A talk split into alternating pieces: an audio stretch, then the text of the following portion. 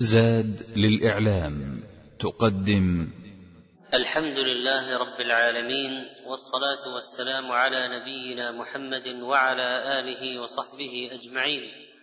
وبعد فقصتنا في هذه الليلة قصة رجل فتح الله عليه أبواب النعيم وسبل الرزق وطرق الكسب فعظمت أمواله وكثرت كنوزه وفاضت خزائنه وأوتي بسطة في الرزق ورخاء في العيش وكثرة في المال فعاش في ترف وبذخ وكبر وبطر وفخر وخيلاء طغى وتجبر فسق وتمرد تطاول وتعدى زاد نهمه وكثر خدمه وعظم حشمه حتى ظن أن لن يقدر عليه أحد. فعميت بصيرته وزاد غروره واغتر به كثير من الناس ورنت إليه الأبصار وتمنت مكانه فئام من الناس فلما بلغ الأمر مبلغه والفتنة أشدها والتمادي منتهاه حلت العقوبة وكانت الفاجعة ونزلت الكارثة وعظمت العبرة فمن هو هذا الغني ومن يكون ذلك الثري وما هي قصته وكيف كانت نهايته استمع إلى البيان المعجز والآيات العظيمة والخبر الصادق من النبع الصافي يروي تلك القصة ويعلمك بتلك النهاية. قال الله تعالى إن قارون كان من قوم موسى فبغى عليهم وآتيناه من الكنوز ما إن مفاتحه لتنوء بالعصبة أولي القوة.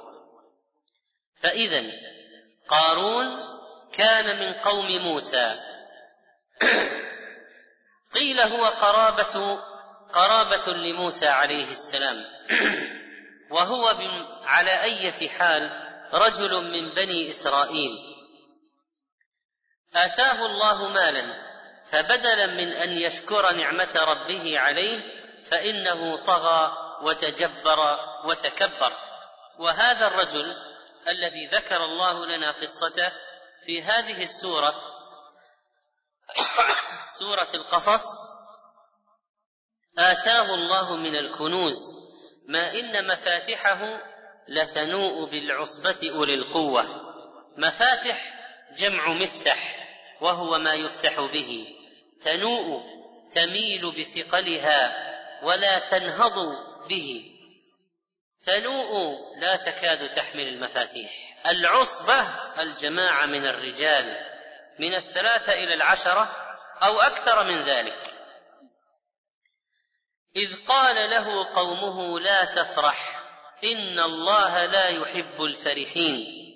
قام جماعة قام جماعة من قومه من أهل العلم من أهل الدعوة من أهل الأمر بالمعروف والنهي عن المنكر يقولون له ناصحين ومحذرين لا تفرح إن الله لا يحب الفرحين. أي فرح هو الذي نهوه عنه؟ هل الفرح حرام؟ كلا. بفضل الله وبرحمته فبذلك فليفرحوا هو خير مما يجمعون. الفرح بتوبة الله الفرح بنعمة الله الفرح برحمة الله.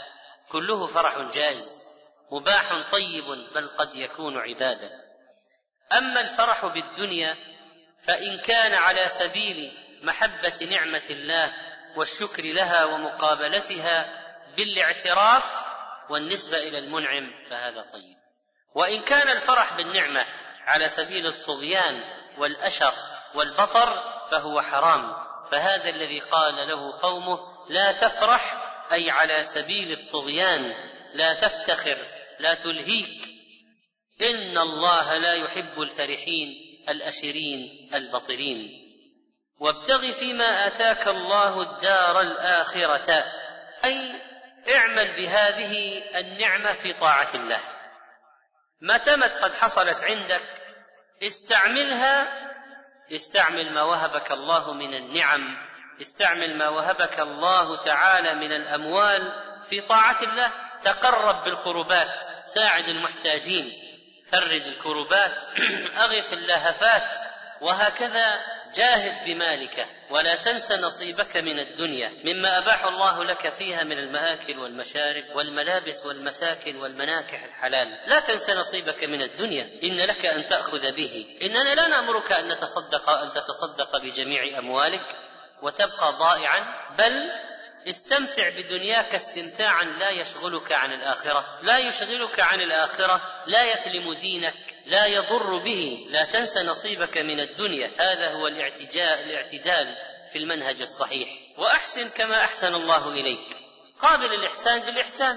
أحسن إلى عباد الله كما أحسن الله إليك. أحسن إلى الخلق كما أحسن إليك الخالق. ولا تبغي الفساد في الأرض بالتكبر والعمل بالمعاصي والاشتغال بالنعم عن المنعم لا تبغي الفساد في الأرض لا تسيء إلى خلق الله لا تستعبد خلق الله لا تأكل أجورهم.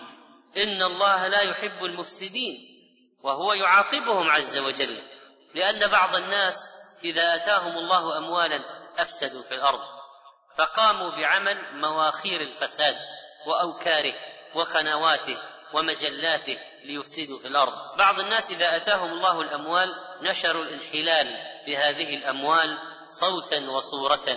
بعض الناس إذا أتاهم الله المال فإنهم يستخدمونه في نشر الفساد في الأرض تخريب الذمم وهكذا الاستيلاء على خيرات الفقراء. يستخدمون الأموال في اضطهاد الناس يستخدمون الأموال في إذلال الخلق يستخدمون الأموال في القضاء على العفة وجر الناس إلى الرذيلة. يفتحون أبواب الشر للناس. ينشرون الفساد بمدن الملاهي وقنوات الفساد الفضائية ونحو ذلك. ولا تبغي الفساد في الأرض. إن الله لا يحب المفسدين. قال إنما أوتيته على علم عندي. اذا هذا هو الرد على النصيحة. إنما أدركت هذه الأموال بكسبي بذكائي بقدراتي بمعرفتي بحذقي. على علم عندي. إنه إنه الاغترار بالقدرات بدلا من أن ينسبها إلى الله. قال أوتيته على علم عندي. ولذلك ليحذر الإنسان من لي وعندي وأنا فإنها كلمات الطغاة. فقد قال فرعون ما علمت لكم من إله غيري. أليس لي ملك مصر؟ ولا زال يقول أنا وأنا وأنا خير من هذا الذي هو مهين ولا يكاد يبين. وهكذا قارون قال إنما أوتيته على علم عندي. ولا زال إبليس من القديم. أنا خير منه. إنه الطغيان والتكبر. أوتيته على علم عندي. ولو يعلم الشخص بأن المال الذي أوتيه من الله تعالى ما اغتر هذا الغرور. فأجاب الله قائلا عز وجل أولم يعلم أن الله قد أهلك من قبله من القرون؟ من هو أشد منه قوة وأكثر جمعا؟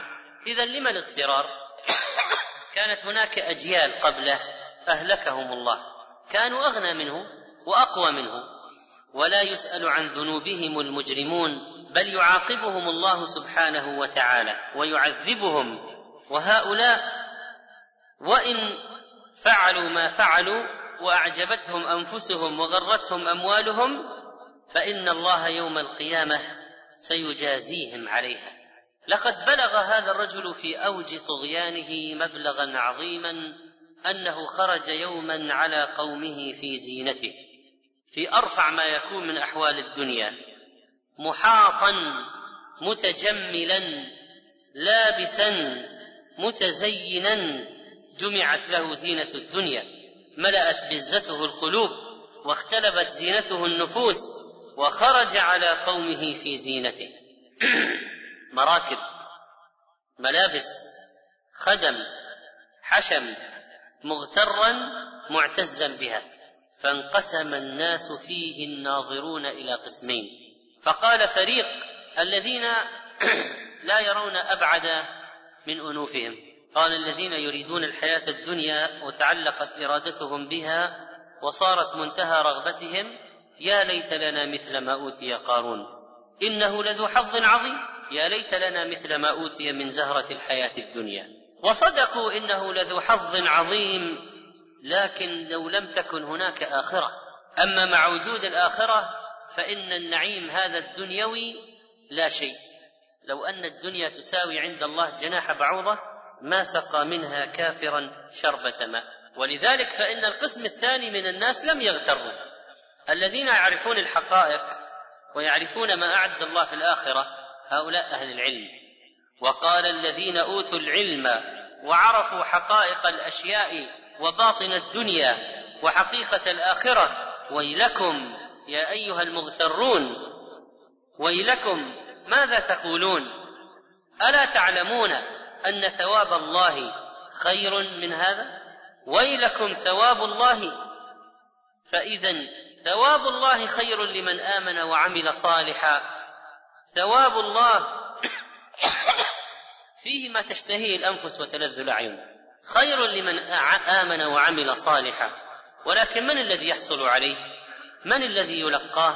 إنهم الصابرون. الذين حبسوا أنفسهم على طاعة الله وعن معصية الله وعلى أقدار الله المؤلمة وصبروا على جواذب الدنيا فلم تشغلهم عن طاعة ربهم. وهكذا صار التذكير من هؤلاء المؤمنين المخلصين ويلكم ثواب الله خير لمن آمن وعمل صالحا ولا يلقاها إلا الصابرون. وكان الرجل بينما يمشي في جبروته وأبهته وطغيانه وفرحته بما عنده قد بلغ في هذا منتهاه خسف الله به الأرض. فخسفنا به وبداره. القصر كله ابتلعته الأرض. فخسفنا به وبداره الأرض. فهو لا يزال يتجلجل فيها إلى يوم القيامة. بينما رجل يلبس حلة يتبختر بها ويختال إذ خسف الله به الأرض فهو يتجلجل فيها إلى يوم القيامة كانت العقوبة أليمة والعذاب شديدا. لقد تحطم تحطم القصر وانهار الدار وابتلعته الأرض الخسف انشقت الأرض وابتلعت هذا الرجل وابتلعت داره. خسف عذاب أليم من الله تعالى. هو وما اغتر به هو وأثاثه هو ومتاعه هو وقصره هو وأمواله كلها ابتلعتها الأرض. فخسفنا به وبداره الأرض. فهل دافع عنه أحد؟ وهل منع عنه العذاب أحد؟ كلا. كلا. وإنما أصبح عبرة للمعتبرين فما كان له من فئة ولا جماعة ولا عصبة ولا جنود ينصرونه من دون الله وما كان من المنتصرين. وأصبح الذين تمنوا مكانه بالأمس يقولون وي يا عجبي وي كأن الله يبسط الرزق لمن يشاء من عباده ويقدر. وي حرف تندم تندم. وي كلمة تعجب وي كلمه تنبه على الخطا لقد تنبهوا إلى خطئهم. وأنا مغتر بقارون وماذا لدى قارون؟ وي وي كأن الله يبسط الرزق لمن يشاء من عباده ويقدر. لولا أمن الله علينا لخسف بنا. هو يضيق على عباده إذا شاء ويوسع على من شاء. لو أنه عاقبنا على ما قلنا. لكنا الآن من الخاسرين ولولا فضله ومنته لخسف الله بنا أيضا مع قارون. حتى الذين غبطوه تخلوا عنه ويكأنه لا يفلح الكافرون. وهكذا انتهت تلك الشخصية في لمحة عين وانهارت كل الأموال والأشياء المعقودة. تلك الدار الآخرة نجعلها للذين لا يريدون علوا في الأرض ولا فسادا والعاقبة للمتقين. قارون كان موجودا في زمن موسى عليه السلام. هل استفاد منه؟ هل استفاد من دعوته؟ هل اتعظ بمواعظه؟ كلا. وهكذا أهل الشر لا يستفيدون. لم يبق شيء.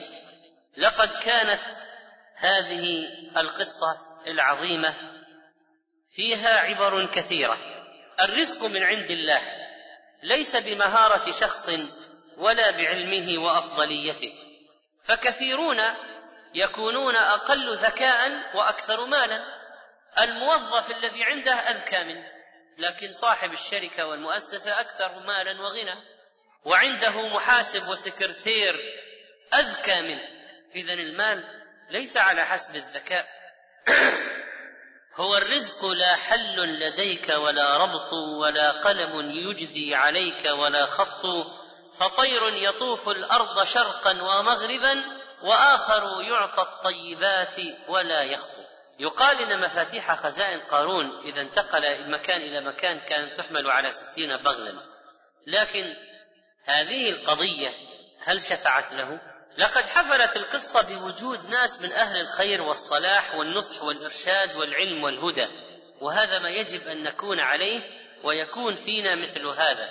ولو صار هناك طغيان وجب أن يكون في المقابل من يبين حقائق الإيمان. ومن يقول للناس يا أيها الناس لا تغتروا بهذا. يجب أن يكون هناك من يقول لمن يطغى لا تفرح إن الله لا يحب الفرحين. ينبغي أن يكون هناك من يذكر أصحاب الأموال ويقول لهم أحسنوا أحسنوا كما أحسن الله إليكم. وأن يقول لمن يفسدون بأموالهم لا تبغوا الفساد في الأرض. إن الله لا يحب المفسدين. إن من العبر العظيمة أن لا يغتر الإنسان بذكائه ولا بقدراته ولا بأمواله ولا يقول بقدراتي وذكائي ومهارتي وعلمي بل يقول بفضل الله برحمة الله. بمنة الله. هذا من الله. ليس مني.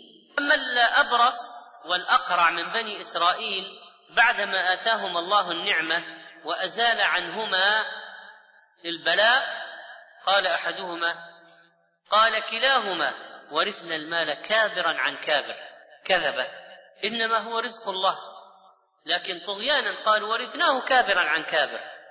لكن الأعمى الذي هداه الله فأبصر بعدما كانت بصيرته منفتحة. هذا من الله. خذ ما شئت قال للفقير الذي يظنه فقيرا. خذ ما شئت ودع ما شئت. لا أمنعك من شيء ابدا. وكذلك فإن المصرع الوخيم والخاتم المشين والانتقام العظيم عادة الله مع الطغاة أنه يقسم ظهورهم. وأنه سبحانه وتعالى يفنيهم. لقد ابتلعت الأرض قارون وساخت فيها أمواله وقصوره. كانت تلك النهاية الخاسرة الخسف عقوبة من الله. وقد خسف الله بأقوام من البشر في القديم والحديث. إن نسب الإنسان لا يغني عنه شيئا. إن ماله لا يغني عنه شيئا. إن الله لا ينظر إلى صوركم ولا إلى أموالكم. لكن ينظر إلى قلوبكم وأعمالكم. يجب أن نعترف بالرزق من الله ليس من غيره. فهو مقدر الأقدار ومقسم الأرزاق سبحانه وتعالى. والعباد لا يدرون ما هو مقسوم في اللوح المحفوظ وما هو مقسوم في ليلة القدر. يوزع الله الأرزاق على العباد كيف يشاء. ولا تدري من الذي يأكل هذه اللقمة. أما ترى البحر والصياد منتصب لرزقه ونجوم الليل محتبكة قد غاص في لجة والموج يلطمه وعينه لم تزل في كلكل الشبكة.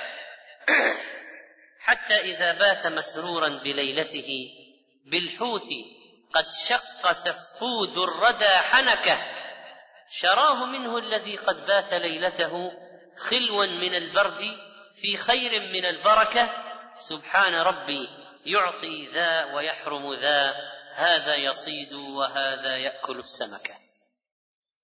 الفرح بالدنيا فرح الكبر والغرور والزهو إنها داهية عظيمة. إن الناس يتيهون خيلاء فيما آتاهم الله بدلا من أن يشكروا نعمة الله عليهم. ما هو شكر النعمة؟ اولا أن تنسبها إلى مصدرها وهو الله فتقول رزقني هو وهذا منه سبحانه وتعالى. اثنين أن تستعمل هذه النعمة في شكره سبحانه وتعالى ولا تستعملها في الفساد والطغيان والمحرمات. ثلاثة أن تعرف حق الله فيها من زكاة وصدقات ونفقات. فإذا الاعتراف بالنعمة أبوء لك بنعمتك علي. نسبتها إلى المنعم أصبح من عبادي مؤمن وكافر. الذين قالوا مطرنا بفضل الله ورحمته هؤلاء مؤمنون بالله.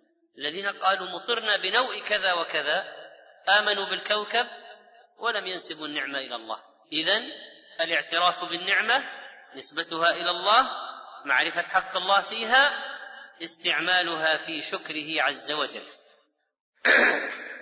ليس مقياس السعادة هو المال ولا زيادة الغنى. هو من السعادة الدنيوية المال لكنه ليس كل شيء. هناك ناس عندهم ملايين لكنهم في شقاء كيف يحرسونها؟ وكيف ينمونها؟ وكيف يحمونها؟ من أقرب الناس إليهم. هناك أبناء يسرقون آباءهم.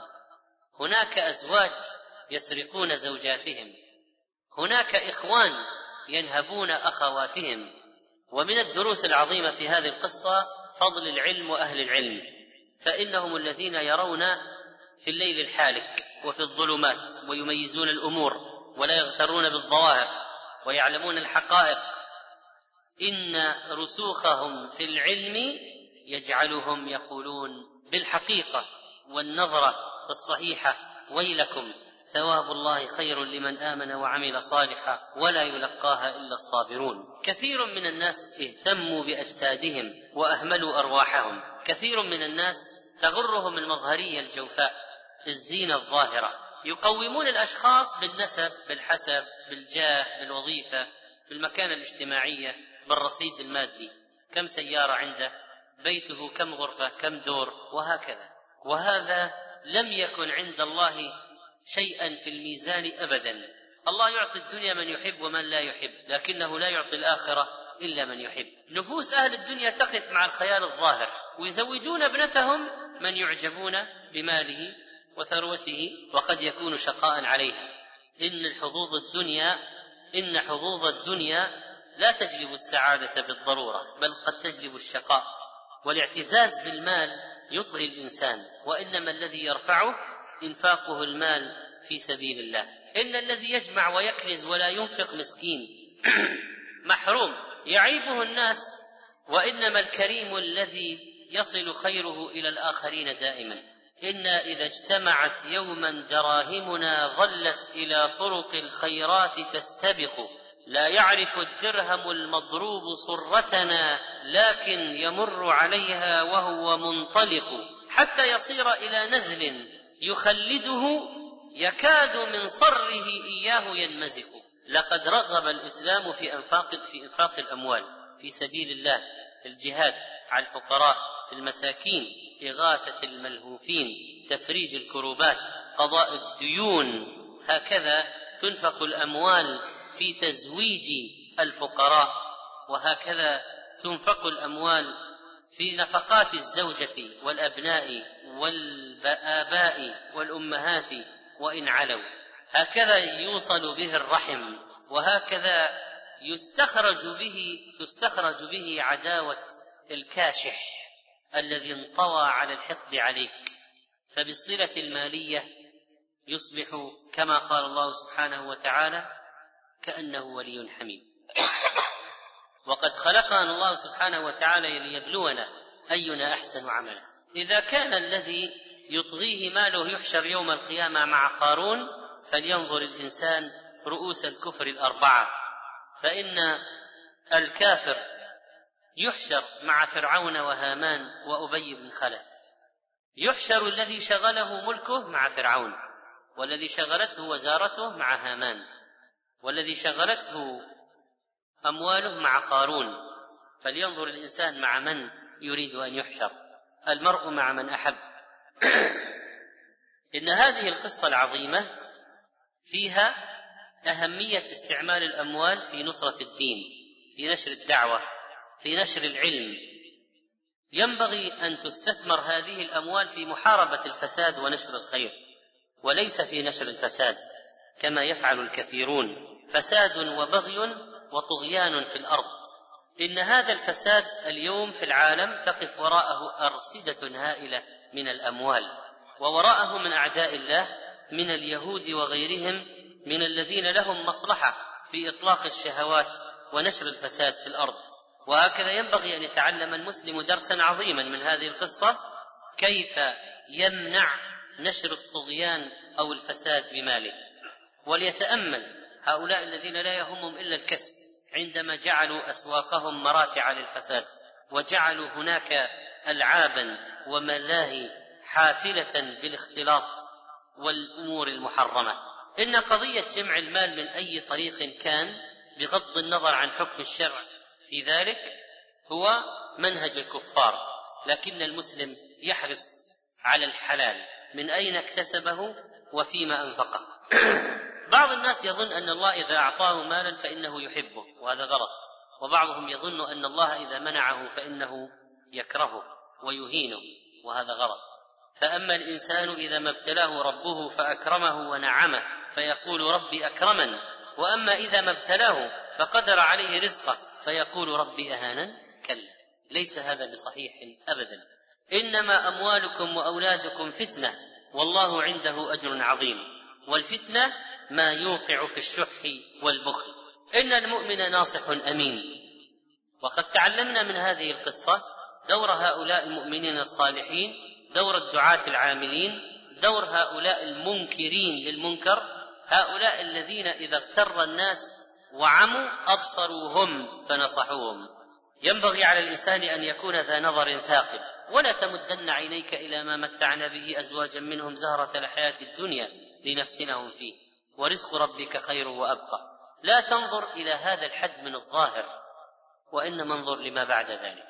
ولذلك كان هناك عبارتان متقابلتان في القصة. يا ليت لنا مثل ما أوتي قارون ويلكم ثواب الله خير. يا ليت لنا مثل ما أوتي قارون إنه لذو حظ عظيم.